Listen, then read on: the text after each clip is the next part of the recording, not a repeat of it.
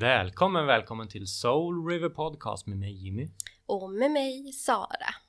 Mm. Mm. Det var det. Nej. Det, vi stannar där. Tack för oss. Bra, trevligt. Ja. Vi hörs nästa vecka. Ja. Samma, samma tid, samma kanal. Nej, Nej. men vi är ju inte hemma hos mig idag. Nej. Vi sitter i en fantastisk studio inne på min favorit Holme, Kungsholmen. Mm. Mm. Kings... Eh, Holm. Holm. Jag vet inte vad Holm det? Island kanske? Kings Island? Island. Nej, Kings. Island. Ja, precis. Svåra saker. Mm. Exakt. Eh, vi nosade ju upp en eh, jättebra gäst som vi ska få snicksnacka med idag. Så vi är i hennes studio och eh, sitter supermysigt på golvet på massa kuddar och grejer och eh, det är så här lugn och skön energi här inne. Alltså verkligen. Mm. Eh, jag blir så här, ja, nej Mm. men, vänta, sova lite. Ja, men jag känner mig så supergrundad faktiskt. Ja, verkligen, jag med. Mm. Eh, och sen så om man tittar till vänster här så har vi ju hur många fantastiska klangskålar som helst och andra instrument som man kan använda för att skapa otrolig magi. Ehm, så det är ju lite av det vi ska prata om idag. Mm. Ja, men verkligen. Så vill du eh, bjuda in dagens gäst? Ja, ville vi bjuder in oss till henne kanske? Ja, Vi välkomnar oss till Josefin på Singing Soul. Hej, så fint Hej. att ni är här. ja det är supermysigt att vara här. Alltså det är ju det är ju verkligen en fantastisk studio. Alltså du måste ju vara, det måste vara så skönt att hålla kurser och workshops och sånt här. För det är verkligen, vi är mitt i stan, men det känns som att när man stängde dörren så landade vi liksom i bara lugnet. Ja, fint att höra. Det är min tanke också med den här platsen. Så att, eh, ja, att vara lite på en annan plats än verkligheten. Ja. Så att man lämnar saker utanför den här dörren. Och sen sånt som stör eller sånt som eh, inte ger en energi. Och sen så kan man hämta upp det om man vill ute på gatan igen efteråt. Mm. Så. Underbart. Men nu är vi ju bra nyfikna här. Alltså, vi vill ju veta hur, hur började din resa till allt som du håller på med idag? För du håller ju på med bland annat tarot och klangskålar och du ska få berätta själv. Men, men liksom, du måste ju ha börjat någonstans. Så vill du berätta det? Ja. ehm, jag har ju hållit på med sång. Det är ju min, eh, det som jag valde att utbilda mig inom. Ehm, men den här andliga aspekten, eller andliga sidan av mig har ju alltid funnits. Men jag har varit ganska rädd för den. Så, jag, så fort jag har känt något eller så, så har jag liksom, jag vill inte se, jag vill inte höra. Tills en dag, det var 2012, det här magiska året. Så. Då jobbade jag på en folkhögskola i Storvik. Och eh, det var så enormt gamla lokaler, ni vet så här, jag tror det var från 1500-talet eller. Och sångrummet då där jag undervisade, där hade brukspatron bott. Och det spökade så in i baljan där. Det var helt galet. Alltså klockan gick bakåt och det gick, alltså det var det var helt, och det tog jag som ett tecken att nej, nu säger jag ja till att, att gå med med det här andliga. Vart vill det föra mig? Så då var det som att dra ur en propp. Då gick jag liksom mediumkurser och tarotkurser och hos alla möjliga olika lärare på väldigt kort tid. Eh, det var jättekul. Ni vet något man har längtat efter länge. Mm. Eh, Så så började det och då höll jag på ganska mycket med tarot. Det drogs jag till redan då, 2012. Jag jobbade på tarotlinje, hade vägledningar och sådär. Men kände efter ett tag att eh, jag blev utmattad helt enkelt. Och det var inte av det, utan det var massa olika delar i mitt liv. Och då under de fyra åren som jag var sjuk så eh, hade inte jag någon kontakt uppåt. Jag hade inte någon kontakt åt något håll. Eh, jag kunde inte meditera. Det kanske låter helt galet, men jag var tvungen att bara vara i min fysiska tillvaro och ta hand om allting som hade ställt till det. Så, Så det var fyra år av dansterapi och eh, vanlig terapi, energiterapi. Jag gjorde allt för jag kände bara att det här, jag måste vända på varenda sten. Jag måste ändra min roll i olika konstellationer. Jag behöver titta på hur är min grundenergi eh, när jag inte härmar världens. Så det var ett ganska så här omfattande jobb. Men sen var det från en dag till en annan. Jag vaknade på morgonen och kände så här. Nu har jag kommit upp. Och sen dess har jag varit uppe. Ur den där, ja. Mm.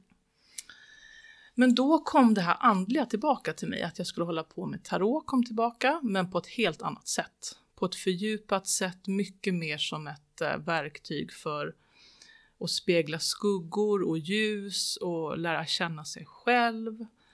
Och all historik bakom tarot. Innan hade jag mer spott, sådär traditionellt, ni vet. Eh, ja, ska jag träffa någon på lördag och lite sånt där. Och det var inte alls vad jag skulle göra nu. Och sen så kom klangskålarna in i mitt liv också av en slump, eh, fast det inte finns. Men, eh, och då var det som att när klangskålarna kom in så var det som att mitt sångpedagog-jag och mitt andliga jag fick plötsligt en så här, tråd. De gick ihop. Jättespännande, för de var ganska så här, åtskilda de två identiteterna för mig. Så klangskålarna blev det här kittet mellan sången och musiken och det andliga. Jag blev helt kär i de där skålarna. Eh, så då började jag hålla på med det. Och sen älskar jag att utbilda och vara pedagog. Det är liksom min, mitt djupaste kall. Så mm, ge vidare. Och spegla andras storhet, kunskap, visdom. Men vad fint! Alltså, det, det, jag älskar ju såna här historier. Alltså för att jag tänker också att det är såna här historier man behöver höra idag. Alltså när, när det är så osäkert där ute i den här stora vida världen. Då vill man liksom höra det här att så här, men det finns en mening med allting. Och jag tänker när du tittar tillbaka på det där musikrummet Mm. med allt spökeri och allt kaos. Kan du liksom se idag så här att shit vad de pushade mig eller liksom att det verkligen var så att, att allt det här hände för att du skulle börja liksom så vakna till? Ja, definitivt. Ja. Det, jag kunde inte blunda för det. Det Nej. spelade ingen roll att jag sa jag vill inte höra utan det var det var väl på rätt plats i livet och sådär allmänt. Mm. Gud, jag har suttit med så här rysningar ända sen, vi, sen du började prata så har jag suttit med rysningar så det känns som att det är någon aktivitet Jaha, som okej. pågår. Det är Ja. bara så här i hela, hela min kropp. Mm. Känner du någonting? Jo men det gör jag. Eh, Ja. Men jag känner mig så här mysig. Men jag tyckte det var så fint när du sa det här när eh, sången och klangskålarna liksom. Där tråden. Mm. Då, då får jag, jag får, uh, nu får jag så här rysningar igen. Uh, jag tror att jag gör kopplingen till mig och mitt pianospelande Mm. på något sätt. Att det liksom att det vävs ihop. Att det blir som du säger, att vi separerar ju saker som vi gärna gör i den här världen. Alltså vi vill förstå saker. Det, det där är liksom det, det är det fysiska och här har vi det spirituella. Men att det är ju egentligen en och samma. Att vi måste förstå det. På något sätt så var det som att det där bara eh, vävdes ihop och du bara ah, jag behöver inte separera dem. Vi är liksom, det är ett och en och samma. Och det är lite så jag har börjat känna med det jag håller på med också. Så det är så här, jag får så här, du vet, Mm. så här, åh, jag blir så här, oh, så här, du vet, hela kroppen bara, gåshud över hela kroppen. Det är så här jättehäftigt alltså. Mm. Så att ja, super, superinspirerande. Ja. Och vi har ju pratat, vi, både jag och Jimmy har ju varit sugen på att gå kurs i klangskålar. Mm. För vi tänker att vi skulle ha väldigt mycket nytta av det. Eh, dels för att Jimmy spelar piano intuitivt och jag håller på med yogan och alltihopa och liksom så att vi har pratat om att vi ska gå tillsammans så att ja, Mm. Ja, kom! Ja, verkligen. kom. Men jag, tänkte på du- du- sången, alltså är det någonting du lärde ut sång och sånt också? Jag är ju sångpedagog i grunden, så det är det jag har gjort mest i mitt företag. Ja. Jag startade ju företag 2007 eh, när Mm. jag gick ut Musikhögskolan och sen har jag varit min egen så jag har varit lite anställd här och där. Men så sången är det som jag har hållit på med längst egentligen. Okej. Men För jag, jag är så sugen på att börja sjunga. Gör du inte det redan då? Alltså jag, jag scrollar ju i duschen kanske i bilen men Ja men det är väl sång? ja, jo jag vet men, men kanske du vet, vad, kan- alltså, vad kan jag tänka på? Lite vet, guidning på vägen. Jag Mm. vet inte, jag känner det så Mm. starkt. Mm. Och det kommer, kommer mer och mer och mer och mer och mer. Och min röst har blivit så mycket starkare så jag känner att jag vill Eller jag vill, jag, jo, jag vill och jag vill höver. Om man säger så. Mm. Och därför, och så nu när du pratar om sången, jag bara, äh, ja, ja, jag vet inte, vi, vi får ta det sen. Men jag bara, Mm. det, det ramlar ner nu. Sorry. Vad häftigt. Ja. Ja. Ja. Men ehm, om vi ska liksom snacka lite så här titlar. Vad är det du gör? För du erbjuder ju både kurser och utbildningar och sånt. Eh, och sen har du workshops. Så berätta om allting du gör. Ja, men jag håller ju kurser då i soundhealing sound healing och att hålla klangmeditation. Ehm, och sen också längre utbildningar. Ehm, just nu, till helgen faktiskt, så startar en utbildning som heter Sacred Sound Alchemy Lightworker. Och det är en halvårsutbildning och då jobbar vi med helande ljud, röst, klangskålar, instrument utifrån de fem elementen. Så varje helg så går vi in i, i ett element och så utforskar vi hur det elementet är i kroppen, eh, hur vi får kontakt med det elementet, hur det vill visa sig i ljud eller bild. Eh, av- alltså alla olika vägar in till att lära känna till exempel jord som är det första elementet. Eh, och sen bygger, bygger vi på med de andra elementen. För min filosofi är att när alla elementen är balanserade, alltså tanke, luft, hjärta och vatten, intuition och eld, passion, eh, då kan vi skapa magi.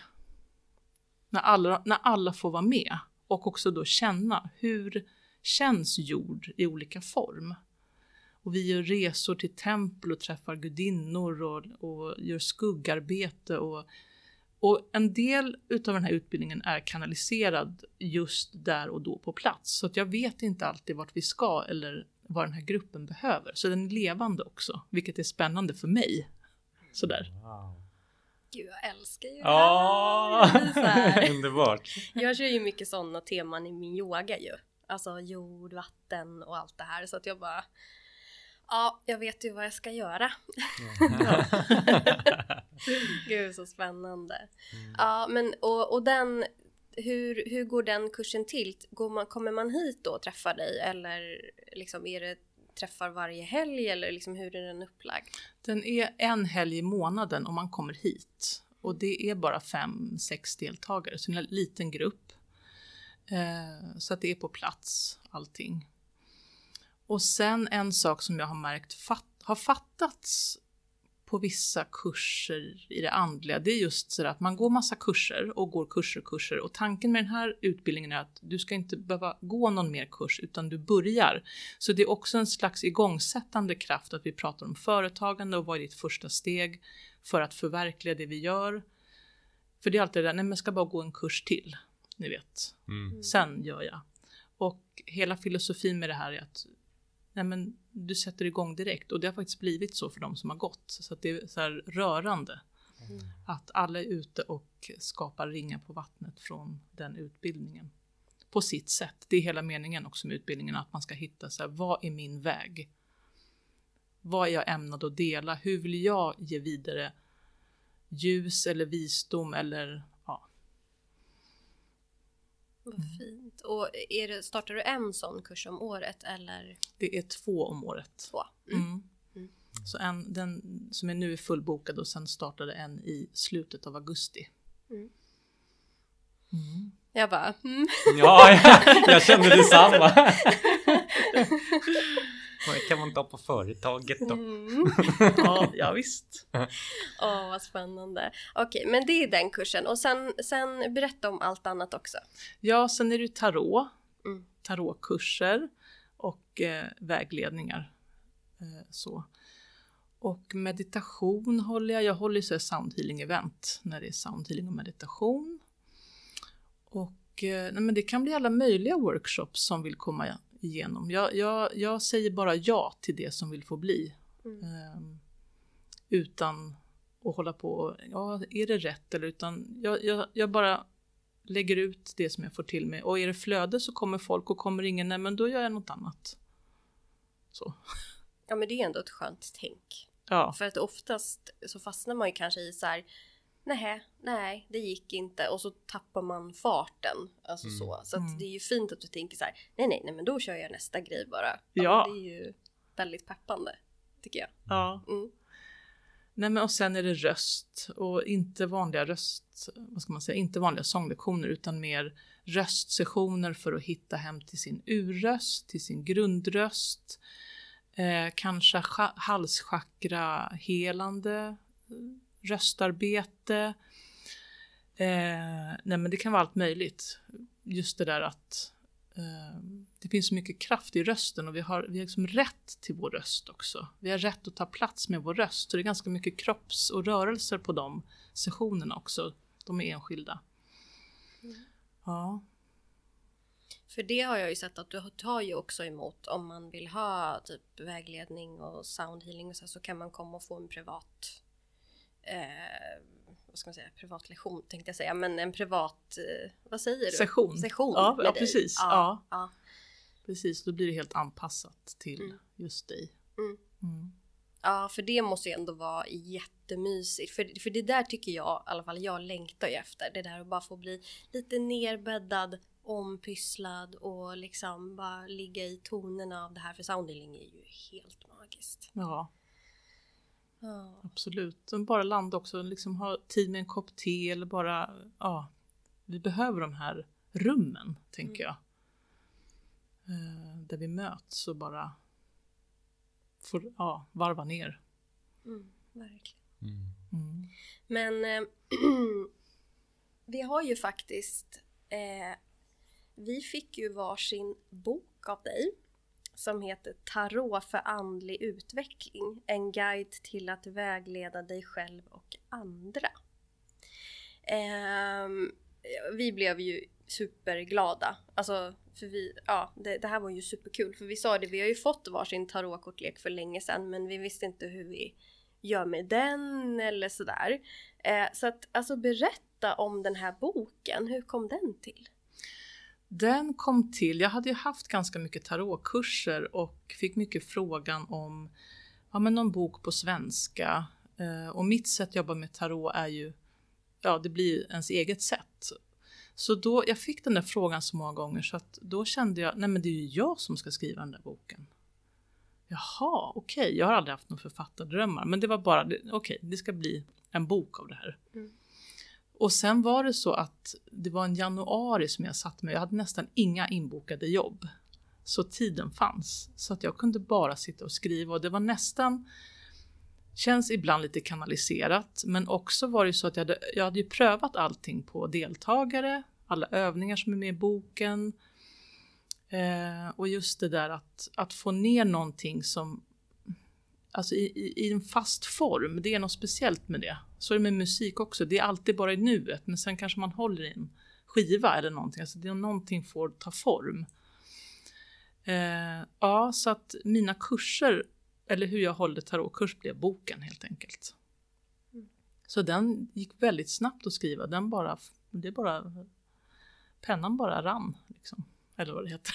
du vet.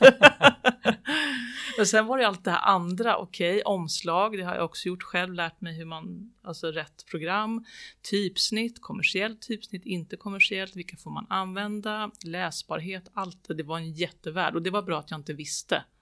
Mm. Då hade tröskeln blivit för hög. Mm. Och så kollade jag upp det med förlag och bara, äh, jag startar eget förlag. Ja, så att... Det är bara att göra. Det är bara så. ja, men lite så. Lite så funkar jag. Ja. Ja. Eh, ja, så, och sen blev det den här boken. Det känns nästan overkligt, men Ja men det är ju så häftigt. Alltså, och, och vart kan man köpa den här boken om man blir nyfiken nu då? man kan köpa den hos mig, men sen finns den på Adlibris och Bokus. Och Regnbågens Göteborg och Vattumannen, alltså andliga, Mm. an, andliga butiker. Mm. Finns inte den också på eh, Kalsit? Jo, Ja, alltså. Ja. Absolut. Ja, ja. Mm. nej men vi, vi ska lägga upp en bild på den också. Den är jättefin, jag älskar eh, färgerna på den. Mm.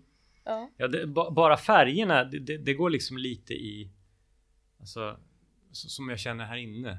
Ja. Alltså, är så här lugnt och det... Jag vet inte. Väldigt lugnande färger och väldigt så här, Tilltalande. tilltalande. Mm. Ja.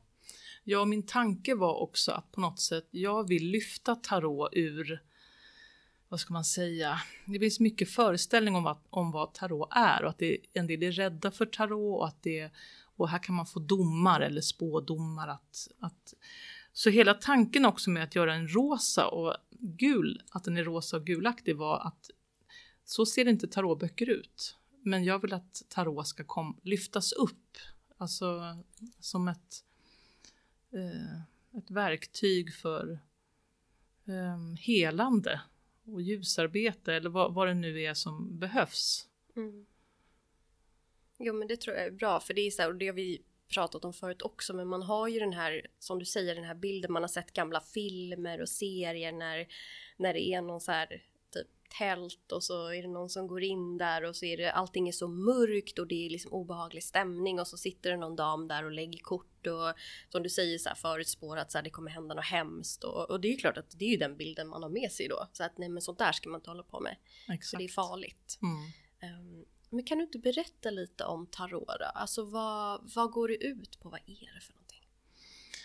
Ja, alltså tarot är ju en uråldrig tradition och de första korten hittar man ju på 1400-talet men antagligen har de funnits längre än så. Och man vet inte riktigt från vil- vilken kultur eller tradition de kommer. Så det är liksom det så här höll lite mystik också. Mm. Ehm, och alltså tarot är ju, det finns en massa olika sätt att använda det på, men det är ju, vad ska man säga, djupt mänskliga aspekter, energier, händelser som är universella. Alltså det sitter inte ihop med någon tradition eller religion utan det är energier som eh, ja, är universella helt enkelt. Eh, all, vi alla människor kan spegla oss i tarotkorten. Och vi är alla kort. Det är 78 kort i en lek.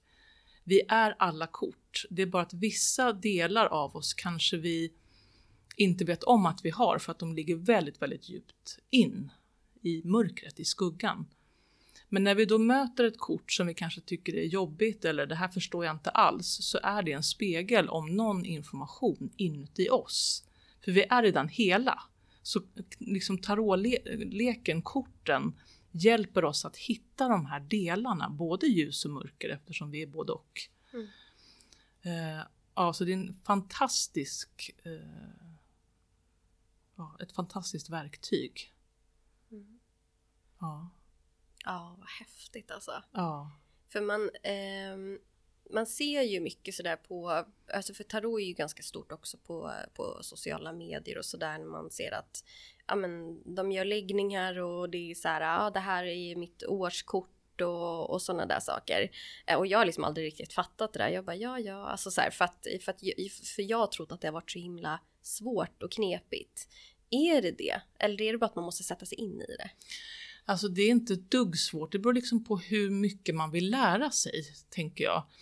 Eh, det är en jättevärld och det är numerologi och det är astrologi och det är elementen och det är arketyper. Alltså det går att göra det, går att göra det superkomplext om man vill. Men egentligen så är det ju bara en bild och den där bilden, genom att du tittar på den här bilden så väcks det någonting inom dig. För vi är ju, vi människor ehm, är ju väldigt, eh, har lätt för bilder, mycket lättare att ta in en bild än text. Och det är symboler och färger. Så har man en tarotlek och vet inte så här, vad ska jag göra med den här? Mitt förslag är att man drar ett kort och bara sätter sig och tittar på bilden. Vad är min första känsla? Vad dras min blick till på kortet? Eh, hur ser landskapet ut? Om det är en människa på kortet, står det vänt mot mig och vad är det för ansiktsuttryck, vad är det för kroppshållning? Allt det där är nycklar som egentligen är nycklar till kortets fasta betydelse. Ni vet när det står så här nyckelord. Mm. Det intressanta är när man verkligen tittar på en bild av ett tarotkort så dyker det alltid upp den fasta betydelsen om vi tar oss tid. Så egentligen inte hålla på att titta för mycket i böcker direkt utan alltid först bara sitta med kortet och, och ta in Vad händer i mig när jag ser det här? Och verkligen ge sig tid med det. Och sen kan man titta i en bok och se, men kolla, det var ju grejer som stämde. Mm. Och det fick jag till mig. Där är nyckeln. Just det. Mm. Det här är lite, nu måste vi ju nästan plocka fram våra. Ja, ja, jag tänkte jag ska dra ett kort när jag kommer hem Ja, faktiskt och göra som du, som du sa. ja. Ja, jag ska också göra. För, för mig är det ju väldigt så här, jag har ju så svårt. Först och främst, jag kommer ju aldrig ihåg massa information.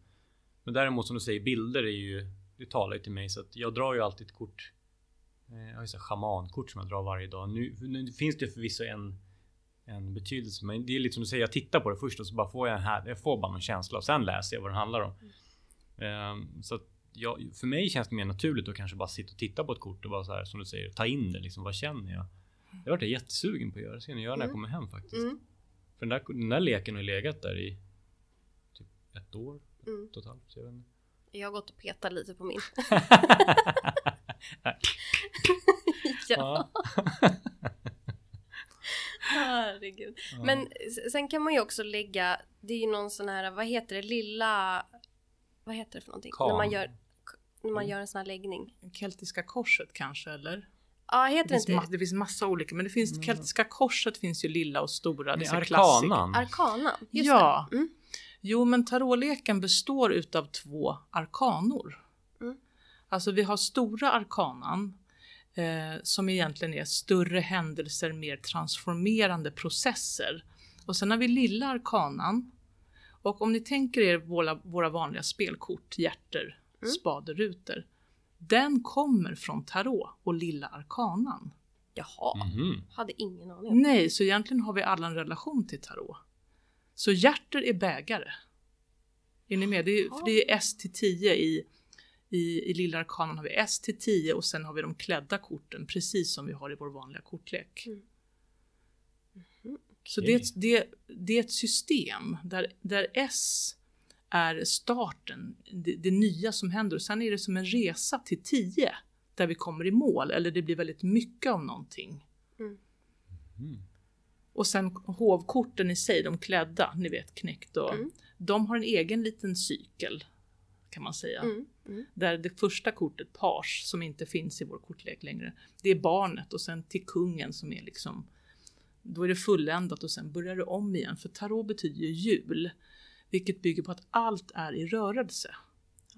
Så när vi, det är därför tarot känns eh, så kraftfullt, för att vi också får syn på våra mörka sidor eller de mörka aspekterna av livet. Men det, sen går rörelsen upp, så att efter en tung period finns det alltid en rörelse upp igen. Mm. Allting bara rör sig. Det är som en resa, korten. Men vad häftigt. Så när vi har suttit där i husbilen när vi var små och spelat så här finns i sjön och sådär, då har vi liksom lärt känna de här korten Ja, och tydligen. det har tagit oss hit. Ja. Jag har mamma och pappa att tacka för det. Ja. Tack mamma och pappa. och husbilen. Ja, precis. Alla campingar vi har varit Ja. på.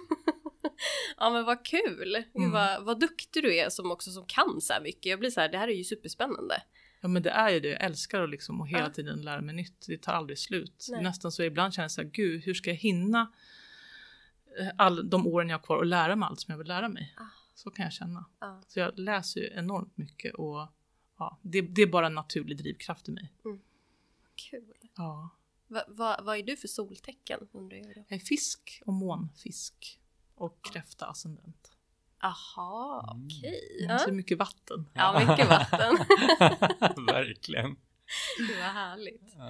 Men om man, om man har en, en, en eh, tarotkortlek hemma nu då och är som Jim och jag som liksom inte riktigt har vetat vad man ska göra med den. Alltså så här, förutom då att ta upp ett kort och bara så här, titta på det och känna efter. Finns det någon har du något tips på så här, ja men testa lägg tre kort och eller liksom kan man göra någonting så här bara utifrån de korten man har liksom? Har du något enkelt tips så där hur man kan börja lite? Ja, för ibland drar man ju ett kort för dagen är det många som gör. Mm. Men problemet med det är eh, att man vet ju inte vad kortet ska svara på. För jag tänker nämligen att alla kort både har ljus och mörker. Det finns alltså inga bra kort eller dåliga kort, även om vissa kan se lite läskiga ut. Ni vet djävulen och tornet, vissa är lite så här, oh. Så alla, alla energier som det blir för mycket av eller obalanserat, de blir eh, vad ska man säga, en skuggaspekt. Mm. Även de som är härliga, som man tycker åh, här, det här är väl bara. Men en, en läggning som är bra att göra, det är en tvåkortsläggning. Man har alltså två kort. Och så frågar man om någonting, till exempel jag ska på ett jobbmöte i veckan. Och första kortet svarar på vad blockerar mig? Alltså vilken energi ska jag inte vara i? Och kort nummer två, vilken energi ska jag vara i? Mhm. Är ni med? Då Mm. blir det första kortet blir skuggaspekten. Alltså, och, det, och den andra blir den ljusa aspekten. Och den där använder jag jättemycket. För så här små grejer, någon, man kanske är nervös för något eller och hela tiden härleda till sig själv. Vad kan jag göra att liksom hämta hem kraften? Vilken energi ska jag vara i för att det ska bli så bra som möjligt? Mm. Och då kan det vara så här att man ser, ja det är passiv eller aktiv eller vara social eller dra dig undan. Alltså det finns, ja, vad du får för känsla av korten. Det var ju jättebra. Mm. Det var ju liksom enkelt. Jag gillar det. Två kort. Mm. Ja men det är. Men ska man, ska man ta Ska man ta, ta två kort eller ska man ta ett kort och sen så lägga tillbaka och blanda och ta ett nytt kort? Nej, utan du, när du blandar så har du liksom din frågeställning i din tanke. Du sätter din intention. Mm. Om vi säger då jobbmötet. Mm. Så när jag blandar jobb så tänker, tänker jag jobbmötet, jobbmötet, jobbmötet. Tills jag känner att jag är klar. Mm. Kanske jag kuperar. Alltså hela tiden bara gå intuitivt. Inte för mycket så här, så här ska man göra utan bara ja men nu är det klart. Första kortet, vad blockerar? Vilken energi ska jag inte vara i? Och sen direkt brukar jag ta kort nummer två. Ah, Vilken energi ska jag vara i? just det. Ja, men det är Så testa den. Ja. Den, ja, väldigt användbar i stora frågor och små frågor. Mm. Det är ju bra för veliga vågen här. Jag förstår inte vad du menar. Ska jag ta den röda tröjan Ja. eller?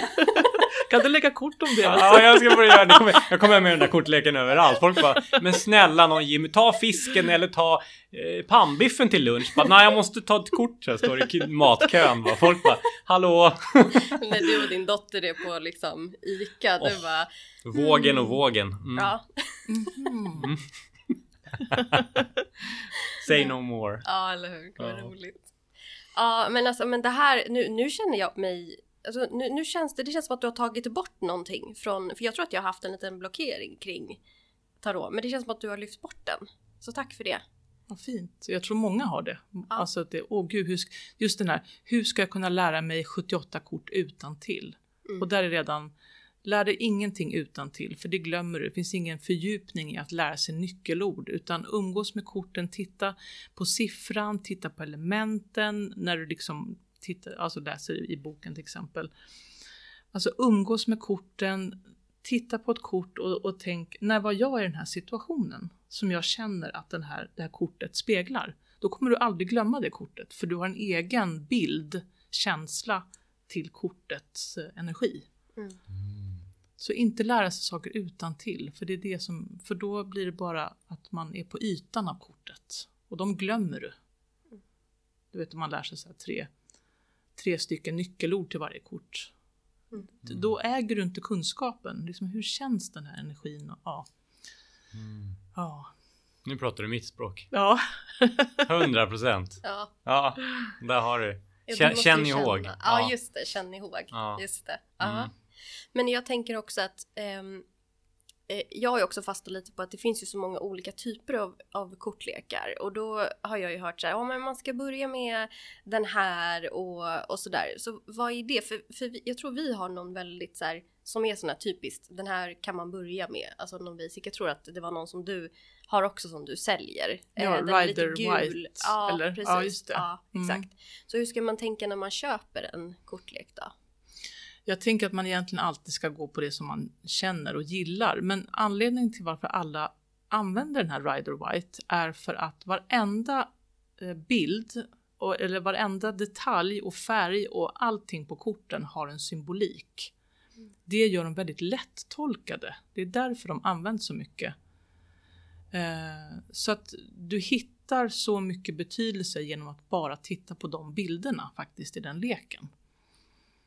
Eh, för den kan man ju tycka är lite tråkig. Det har jag, tyckte jag också eh, ett tag. Sådär. Men jag har kommit tillbaka till den. Och ja, så jag vill inte säga att du ska göra si och så, men jag tycker att den är väldigt användbar för att inget är en slump på, på bilderna. Allting berättar någonting. Just det. Mm. Mm. Ja men vad spännande. Det är lite så här att du går tillbaka till basic. Dun, dun, dun, dun. Ja. Ja, det verkar ju vara lite temat på, på det mesta. Alltså oavsett vilket ämne vi pratar om så är det så här, alla säger så här, "Nej, man måste gå tillbaka till, till början, tillbaka till basic liksom. Alltså så här, så, Mm. att, ja, så det var lite kul att du sa det just med den här kortleken också. Ja, Till och med där. Ja. Ja men vad spännande. Men, men om vi ska lämna tarot lite grann då. Så ville jag ju prata om alla fina skålar och det som du har här. Alltså det här, det här är ju så himla magiskt och jag, jag fastnar ju på de här som står runt omkring för jag älskar ju färg och jag ser ju min favoritfärg turkos där borta. Du har lila och du har rosa. Är det här är det mer typ kristallskålar? ja precis. Ja. Mm. Eh, berätta om sound healing. Alltså, Ja, ja, men alltså sound healing är ju att helt enkelt översköljas av helande frekvenser. Och vi består ju utav vibrationer. Det är ju så häftigt att kvantfysiken har kunnat se det nu också, som egentligen människor har fattat i tusentals år. Så. Men att vi är vibrationer, så såklart påverkas vi av vibrationer. Så när vi ligger i ett så här sound healing bad så jobbar frekvenserna där de ska. Man behöver inte tänka på någonting. Utan det som sker är att skålarnas frekvenser hjälper oss att släppa blockeringar. Och de kan ju vara att man har ont någonstans, eller känslomässiga, eller att man håller, ibland kan det vara att man håller ett trauma också. Det där kan börja röra på sig. Allt möjligt kan hända. Ibland är det bara härligt, vi flyger eller blir tunga. Ibland kommer sorg. Därför att vi, det, det är som att skålarna hjälper oss att luckra upp stagnation. mm. På alla möjliga plan. Man vet inte riktigt vad som kommer hända varje gång. just det. Vi har ju faktiskt varit på en sound healing. Eh, och det märkte vi att vi tyckte om olika ljud. Att jag hade svårt för vissa ljud, det tyckte jag var, nej det där var obehagligt. Medan Jimmy tyckte, åh vad skönt. Eh, så att då var det ju liksom att vi, vi hade, och det satt ju på olika ställen för oss också. Det är ju länge sedan nu. Men, Mm. eh, men jag minns ju att vi, vi blev så påverkade av det. Mm. Ja men verkligen. Det var någon som var så här. Den här var lite obehaglig. Mm. så att det var jättetydligt. Ja. Men när du, när du spelar på, på de här skålarna, har du liksom innan tänkt så här, så här ska jag spela? Eller går du bara på, på känsla? Jag går bara på känsla. Jag spelar intuitivt. Sen är det ju så att jag har ju umgått så mycket med mina skålar så jag vet vilka som gillar varann och vilka som är lite familj och vilka som är lite mer skaviga. Ehm, Så det är lite olika familjer här kan man säga. Så. Gulligt. Mm. ja det, det ser verkligen ut som det. ja. Man kan ju tänka de större, alltså tibetanska skålarna, de här hamrade, de större är det ju lägre frekvenser i, alltså djupare toner. Eh, så att de jobbar mer oftast i- kroppen, jordiskt, alltså sånt håller oss lite nere eller jobbar med, med rotchakra eller de delarna i vårt liv. Trygghet, eh, stabilitet, och sen så går man liksom hela vägen upp till de här allra minsta skålarna och även kristallskålarna tycker jag. De tar oss liksom högre för att det är en snabbare frekvens. Precis som det är högre upp i andra dimensioner eller runt vår kronchakra eller så att, eh, och, och vissa ljud gillar vi inte. Det kan vara olika. Man kan ju tänka så här, varför tycker jag inte om till exempel ett ljud som är väldigt högt? Vad är min relation till lätthet, till att ha kontakt med högre dimensioner eller högre delar av mig själv utan att värdera högre. Jag tror ni fattar vad jag menar. Mm. Mm. Så att man märker man, åh de här låga skålarna, ja men hur, hur, hur ser det ut med ditt jordande och din grund? Just det. Ja, så även om man inte gillar en skål, det kan ju också vara för att det sätter igång processer igen, så Mm. kanske man ska umgås med den egentligen ett tag. därför det är någonting som släpper tror jag. Mm. Jo men det är ju Mm. jättetydligt för jag vet att när vi gjorde soundhealing då hade jag lite svårt för de här äh, djupare tonerna. Och jag tror det var också en period när jag var ganska svajig för jag har ju lättare för att fladdra upp och liksom vara i någon annan galax. Än att jag får jobba ganska mycket på att vara i kroppen eh, och gå ner liksom och balansera mina lägre chakran. Så att jag tror att det slog ju an. Det var ju som att så här skålen bara hallå och jag bara nej. eh." Alltså det, så det blev ju jobbigt för mig. Eh, och jag tror nästan att det var tvärtom för dig. För jag tror för mig att du Mm. reagerade på någon hög ton. Eller om det var, eller om det var typ inte hjärtat eller halschakrat Mm. kanske. Det var mitt emellan tror jag. På Mm. väg uppåt i alla fall. Mm. Ja. Så att, eh, mm. Vad intressant. Mm, Ja, det, det ger oss en nyckel till någonting. mm, Mm. precis. Mm. Jag har ju väldigt svårt för de här. Nu har ju du, du har ingen gång. Ja, en liten En liten gång. fänggång, en liten Ja. vindgång. För de, jag kan ju ganska svårt för de här stora, så att dun, alltså där händer det någonting. Där blir jag, där hamnar jag i flykt. Mm. Eh, det är jättespännande. Alltså för att jag, och jag vet ju det. Att jag blir liksom så här, det är någonting, det stressar upp hela mitt system. Så, och det gör, och jag har lätt för att ta tillflykt. Eh, alltså, och, och det kan vara att jag, jag drar härifrån. Men det kan också vara att jag drar i mitt mind. Liksom. Att jag är någon annanstans. Alltså jag zonar ut. Och det händer någonting med mig med gången. Alltså som, det, det blir som att eh, jag är ett djur på savannen liksom och det kommer ett lejon och jag måste springa. Alltså jag hamnar där. Det är jättespännande. Mm. Hur känner du för sånt? Nej men gången är nog inga problem för mig. Nej. Nej. Jag har i alla fall varit med två gånger med sådana stora. Nej det, är ingen, det upplever inte jag alls Nej. problem. Va, vad är din analys? Men gå- gången är ju väldigt, alltså vad ska man säga, det beror på vem som spelar och vilken gång det är och så här, men det är väldigt mycket frekvenser från en gång. Det är enormt många olika toner från en gång. Så att du verkligen översköljs. Alltså klangskålar kan man ju spela med lite luft emellan. Det är, som, det är lite mildare tycker jag. Alltså, men gång är ju otroligt kraftfullt för att det är så mycket frekvenser som kommer samtidigt och, och jobbar på massa olika plan. För ju fler toner desto fler områden jobbar ju. Mm. Mm. Jo för den blir ju väldigt spretig. Som du säger. Alltså det blir ju lite Alltså det låter som en ja, Mm. men som en plåt som bara står och vajar liksom. Det Mm. blir ju väldigt så här. Jag brukar inte gilla när det liksom Jag tycker om att hålla ihop det när det gäller musik eller ljud. Det ska vara tydligt liksom. Men- Och det där blir det ju lite som ett hårdrocksriff liksom. Det bara drar iväg och det blir ganska. Jag förstår, det blir väldigt maffigt och kan bli ganska tungt. Så att till, om, om man ska tänka till vad jag brukar gilla så borde inte jag gilla det. Eh, men jag kan ändå mäkta med det. Jag har inga problem med det faktiskt. Mm. Sen tror inte att ljudet i sig är väl någon favorit kanske sådär. Nej. Nej, jag skulle nog föredra kanske klangskål eller Ja. som är lite mer samlat. Jag vill ha ordning och reda. Ja. Ja, jag tänker att man också liksom på något sätt, ja men det här är mitt verktyg som jag gillar eller det här, alltså att man inte behöver också gilla eller gå igång på allting utan Nej.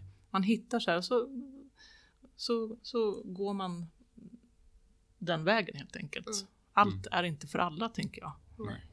Nej, och sen är det en sak vad jag tycker om ljudet. Men sen är det en sak vad det ger. Mm. Det är ju något Ja. helt annat. Alltså det är väl lite som jag vill inte gå i terapi, nej fast jag behöver det. Alltså, Ja, förstår du? Man behöver inte tycka att det är så här wow, det är fredagsnöjet liksom. Men jag mår bra av det. Så att, ja. Mm. Man behöver inte gilla allt. Nej, nej, Nej. nej, nej, absolut inte.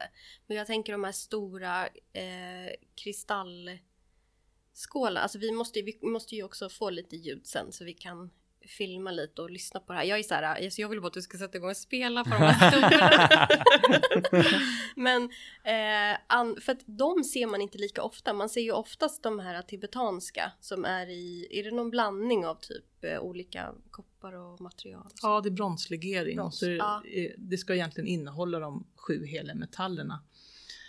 Eh, som, som hör ihop med sju himlakroppar. Det är liksom hela grundtanken. Alltså Aha. solen, månen och så de fem första planeterna som man visste om. Mhm. Och då är det bly och liksom lite såna, det är egentligen lite farliga ämnen. Men det, så det ska vara en viss liten, liten procent egentligen utav guld och silver och bly.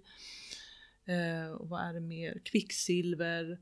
Men det är mest koppar och tenn som Mm. de är gjorda av. Mm.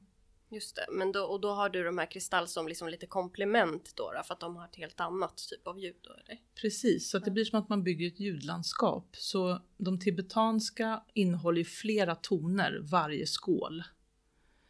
Eh, och är ganska jordande medan kristallskålarna innehåller en grundton med övertoner som liksom är i harmoni så att de kan nästan kännas lite piercande. De har liksom helt annan effekt Mm. än de tibetanska. Mm.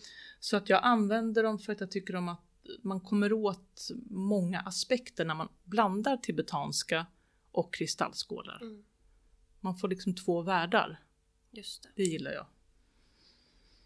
Ja, jag förstår ju verkligen vad du, vad du menar nu, i början där när du pratar om din liksom sångbakgrund och att du fick in det här när du pratar om toner och alltihopa. Alltså det är verkligen, Ja, ja men det är ju verkligen. perfekt ju. Det måste ju vara underlätta. Att Ja. ha lite förståelse för det, tänker jag. Ja. Ja. Det ser ju så fint ut också. Mm. Ja, de är otroligt vackra föremål. Ja. Kan du sitta så här och bara titta på dem ibland? Ja, och sen längtar jag ju hit, så ibland åker jag hit bara för att få vara med mina skålar. Crazy bow lady. Ja, ja. ja, underbart ju. Det är superhärligt. Men ehm, vad är det liksom, är det någonting mer du känner att du vill eh, dela eller berätta eller så? Inte som jag kommer på just nu. Jag tror alla sådana här praktiker som man tänker att det är en tröskel till, jag tänker med tarot eller också med en del kommer på mina kurser och jag, jag är inte musikalisk, liksom alla de här bilderna vi har utav vad man ska redan kunna eller de tycker jag man ska lägga ner. Mm. Eh, för vibrationer, det är så djupt mänskligt och, det, och det spelar ingen roll om du tänker att Åh, jag är så omusikalisk. Strunta i det, du är människa så du upplever vibrationer. Mm. Och jag jobbar ju inte alls med olika toner till chakran och sånt utan jag, jag är väldigt mycket att känna efter, spela på en skål, känna efter vad händer i dig. För det intressanta är när man har de här kurserna, jag gör alltid en övning som är att jag spelar på fem olika skålar, en i taget. Och så får alla skriva upp vad de upplever för varje skål. Mm. Känns den i kroppen? Får du bilder till dig? Får du någon känsla? Och då märker man att skålarna upplevs på olika sätt. Vilket gör att jag kan inte säga att det här är en hjärtchakraskål. För den kan kännas i hjärtat på någon, men sen jobbar den någon annanstans för någon annan. Vi är liksom komplexa varelser. Att, att eh, ja, du har svaren inom dig, men du behöver bara tillit och öppna den där dörren. Ge dig själv tid, både med tarotkorten eller med en skål om du äger någon skål. Att, vad händer i mig? Vad växer i mig? Ja, Mm. Men det är lite spännande för jag, jag hade två sådana här små skålar förut. Och då, då skulle ju de vara då för typ så här äh, halschakrat och äh, uh, rotchakrat tror jag. Men jag sålde dem för att jag kände inte någonting för dem. Eh, och jag, jag fick liksom inte igång något spelande med dem heller. Det var bara så här, äh, nej det gick inte. Så att visst är det väl så också att man måste liksom fastna för en viss skål. Alltså man måste testa Ja. sig fram, eller hur? verkligen. Och framförallt i det, att höra dem akustiskt, alltså att vara i samma rum som skålen. För en mikrofon kan aldrig fånga upp alla toner som en skål har, eller känslan som du har av en skål när den är fysiskt vibrerar bredvid dig. Så att man ska absolut pröva skålar tycker jag. Mm. Och känna vad händer i mig. Är den, är den i resonans med mig? Tycker jag om den? Vill jag ha, vill jag ha mer den eller nej? Usch, det var inte alls min grej just nu. Alltid, du vet, så tänker jag. Vi vet. Mm. Mm. Inte fråga andra så mycket om vad tycker du om den här, strunta i det. Ja. ja men det tycker jag är ett jättebra tips när det kommer till typ allting. Ja, men faktiskt. Ja. Det är så lätt att gå på eh, typ en manual till hur man ska göra eller Ja. ja. Och det ser man ju mycket i de här äh, lite spirituella grupperna också. Att så här, eh, ibland tänker jag så här, nej men du, du behöver inte fråga det. Du kan bara liksom blicka inåt och så här, bara gå på känsla. Men jag tror man är lite rädd också för man vill inte, som du säger, man vill inte göra fel. Eh, och jag har också tänkt så när jag har tänkt att jag vill gå en sån här eh, kurs hos dig för att lära mig spela på klangskålar. Då har jag också tänkt så här, ja men fast jag kan ju inte. Och så bara, nej men det är ju därför jag ska gå hos dig. Men, men jag tror många har det tänket och då blockerar man sig. Exakt. Ja. Så man ska ju inte komma hit och så här, vara värsta proffset. Alltså så här, Men då Nej. behöver du inte, nej men vad ska du till kursen nej, och göra nej då? jag vet, skitlöjligt. Nej men för vadå, för att få ett diplom eller? Ja. ja men egentligen, nej, men alltså, det, Ja. jag menar jag, jag är ju likadan. Ja, alltså, jag vet. så att, det är jättekonstigt. Ja. Så, mm. Mm. Ja men det känns, känns bra. Mm. Men om man vill komma i kontakt med dig då? Vart hittar man dig då? Jag har en hemsida, singingsoul.se och även Facebook och Instagram. Eh, Så där kan man titta vad jag gör, få en känsla av vad jag ger vidare, om man gillar det eller inte. Så tänker jag. Och sen håller jag mest till här i min lokal, Singing Soul Studio. Allt heter Singing Soul och förlaget Singing Soul. Ja. Ja. Eh, ja, så där kan man gå in och, och, och läsa om vad jag gör och vem jag är lite grann och känna efter om är det här för mig. Ja, underbart. Och vi länkar ju också i avsnittsbeskrivningen till allting. Ja, nej men eh, vi ska mysa vidare här då. Mm. Det tycker jag. Och så får vi tacka dig så jättemycket för att du ville vara med i podden och berätta. Tack så jättemycket att jag fick vara med. Mm, Ja, tack. Underbart. Och ehm, ja, till lyssnarna så säger vi som vanligt att vi ses nästa vecka. Samma tid, samma kanal. Samma tid, samma kanal. Tack och hej leverpastej! Tack och hej leverpastej.